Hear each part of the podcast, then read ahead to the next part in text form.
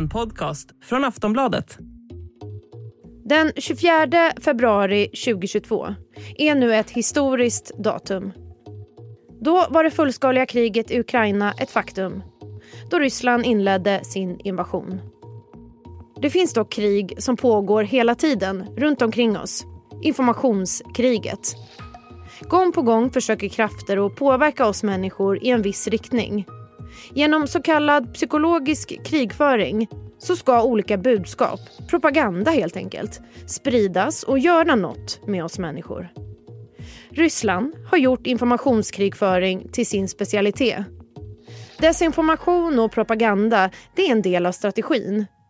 Ett centralt ord att använda här det är narrativ, alltså en berättelse.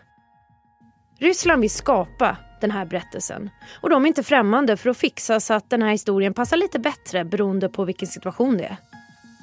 2014 annekterades Krimhalvön. En del av Ukrainas territorium togs olagligt av Ryssland.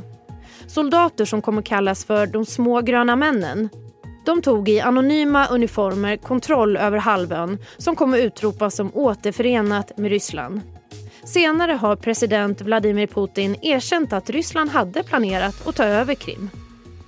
Idag ska vi prata om hur det kommer sig att desinformation och lögner är gångbart som vapen. Varför har Ryssland gjort information till ett vapen? Och hur tar det sig uttryck?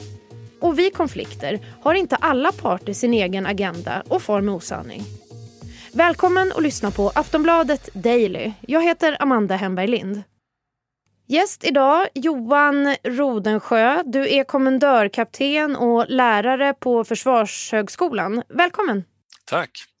Vi spelar in det här torsdag förmiddag. I natt inledde Ryssland en militär insats i Ukraina. Till att börja med, då, vad tänkte du när du vaknade i morse? Jag tänkte att eh, det, det, är både förväntat och eh, inte förväntat. Så det, det, eh, det är tråkigt, ska jag säga. Jag, jag lider eh, med ukrainarna och jag lider med, med, med Europa. Vad, vad är Rysslands taktik just nu gällande sina budskap? Kan man säga det? deras taktik det är att med, med, militära och informativa maktmedel eh, få Ukraina, omvärlden men även den ryska befolkningen att agera som de vill. Och eh, med informationskriget så kan Ryssland då styra hur befolkningen i Ukraina och Ryssland och även vi andra i övriga världen, hur vi ska uppfatta det som händer just nu. Det är helt enkelt de som styr. Vad är egentligen eh, informationskrigföring? Det enkla svaret på, på frågan vad är informationskrigföring? Det är att det handlar om kampen om narrativet och skapandet av alternativa verkligheter eller bilder som vi säger. Eh, motivet är att påverka olika målgrupper, i det här fallet då, som jag sa, ukrainarna, eh, ryssarna, men även övriga världen. Andra stater, beslutsfattare, att fatta vissa beslut eller att inte fatta vissa beslut.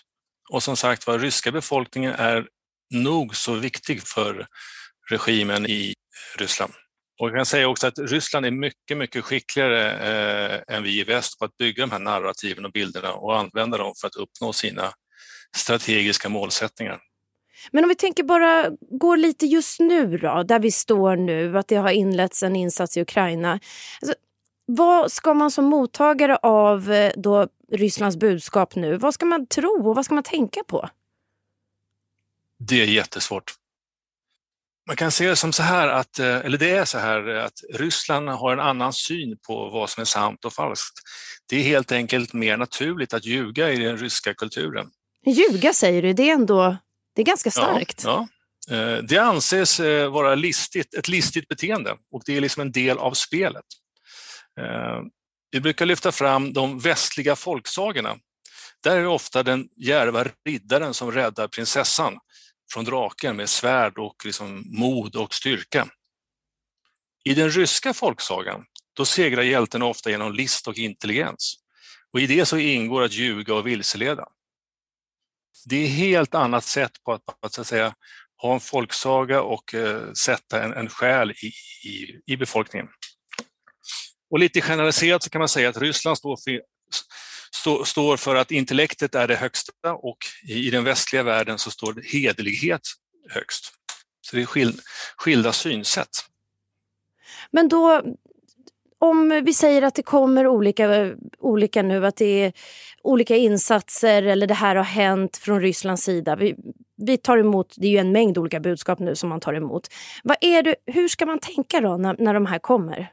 Är, är, det, är det lögn och båg eller vad, hur ska vi göra när vi får dem?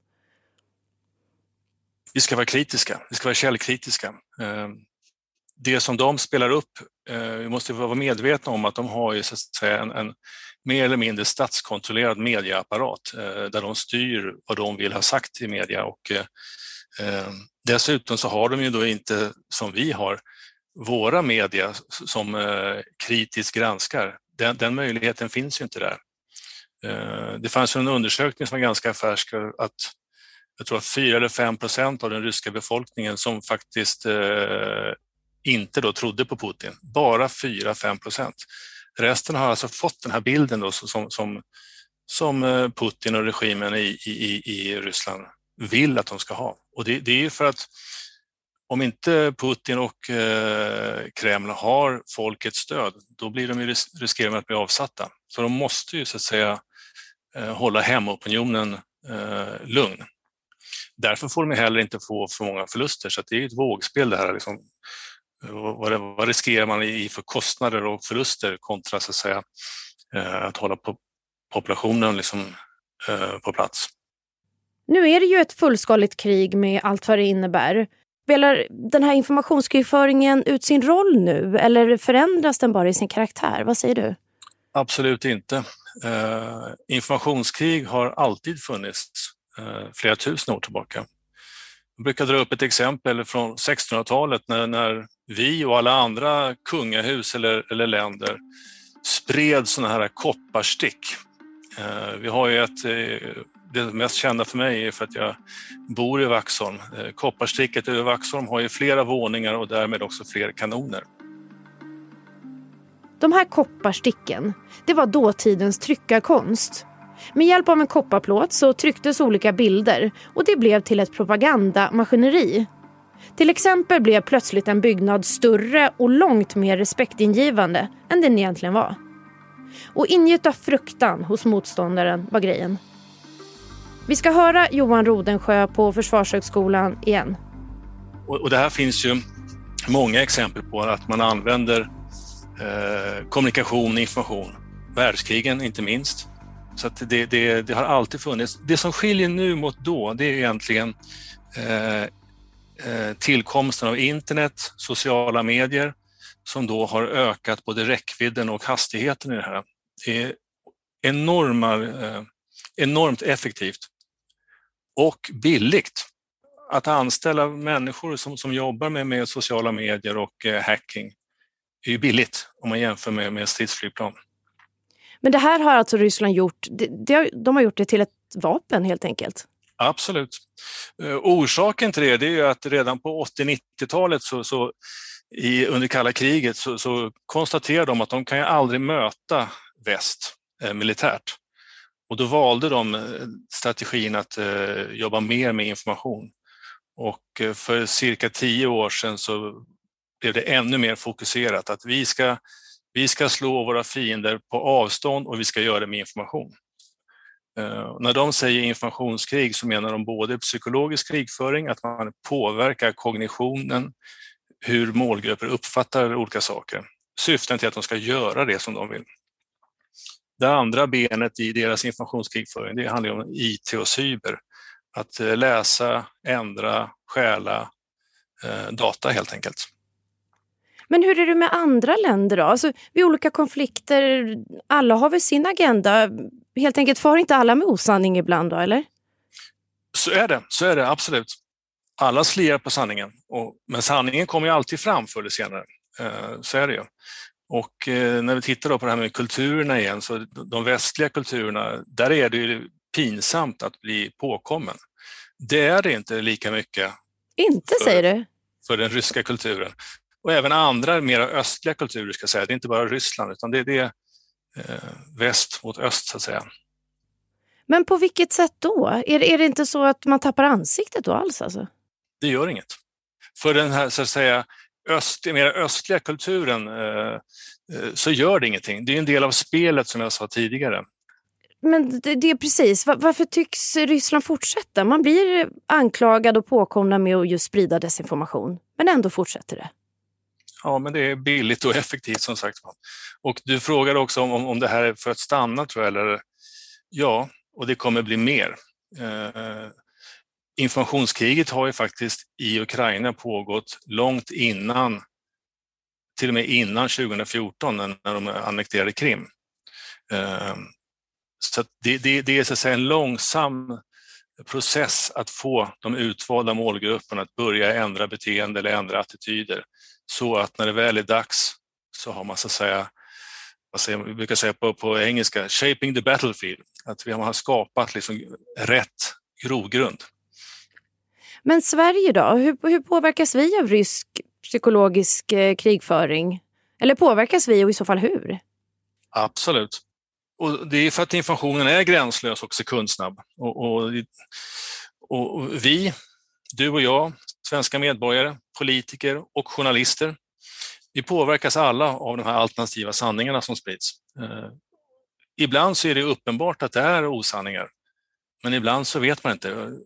Tricket här när man, när man sprider desinformation, det är att bygga på någonting som är, har hänt, eh, men som man twistar eller skruvar något så att det får en annan mening eller byter sammanhang. Så man sår något frö till någon misstro och då har man lyckats på något vis?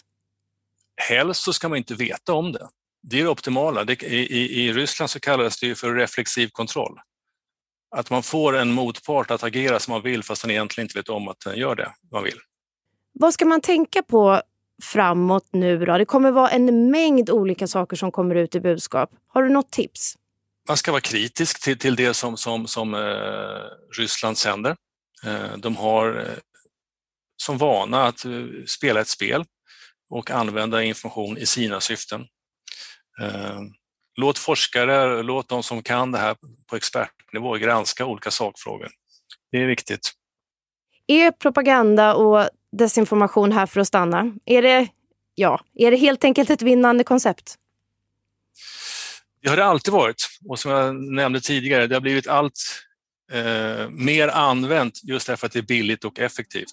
Eh, I vissa sammanhang så, så, kan vi här på skolan diskutera att om man till och med kan ändra landsgränser genom att inte ens använda militära maktmedel, men bara information, alltså påverkan och cyber, skulle vara möjligt teoretiskt och kanske praktiskt. Johan Rodensjö, kommendörkapten och lärare på Försvarshögskolan. Tack för att du ville vara med. Tack själv. Och det senaste om det krig som pågår här och nu i Ukraina det får du på aftonbladet.se. Du har hört Aftonbladet Daily som är Sveriges största nyhetspodd med mig Amanda Hemberg Lind. Tack för att du lyssnar och följ oss gärna i din poddspelare. Vi hörs snart igen. Hej då. Du har lyssnat på en podcast från Aftonbladet. Ansvarig utgivare är Lena K Samuelsson.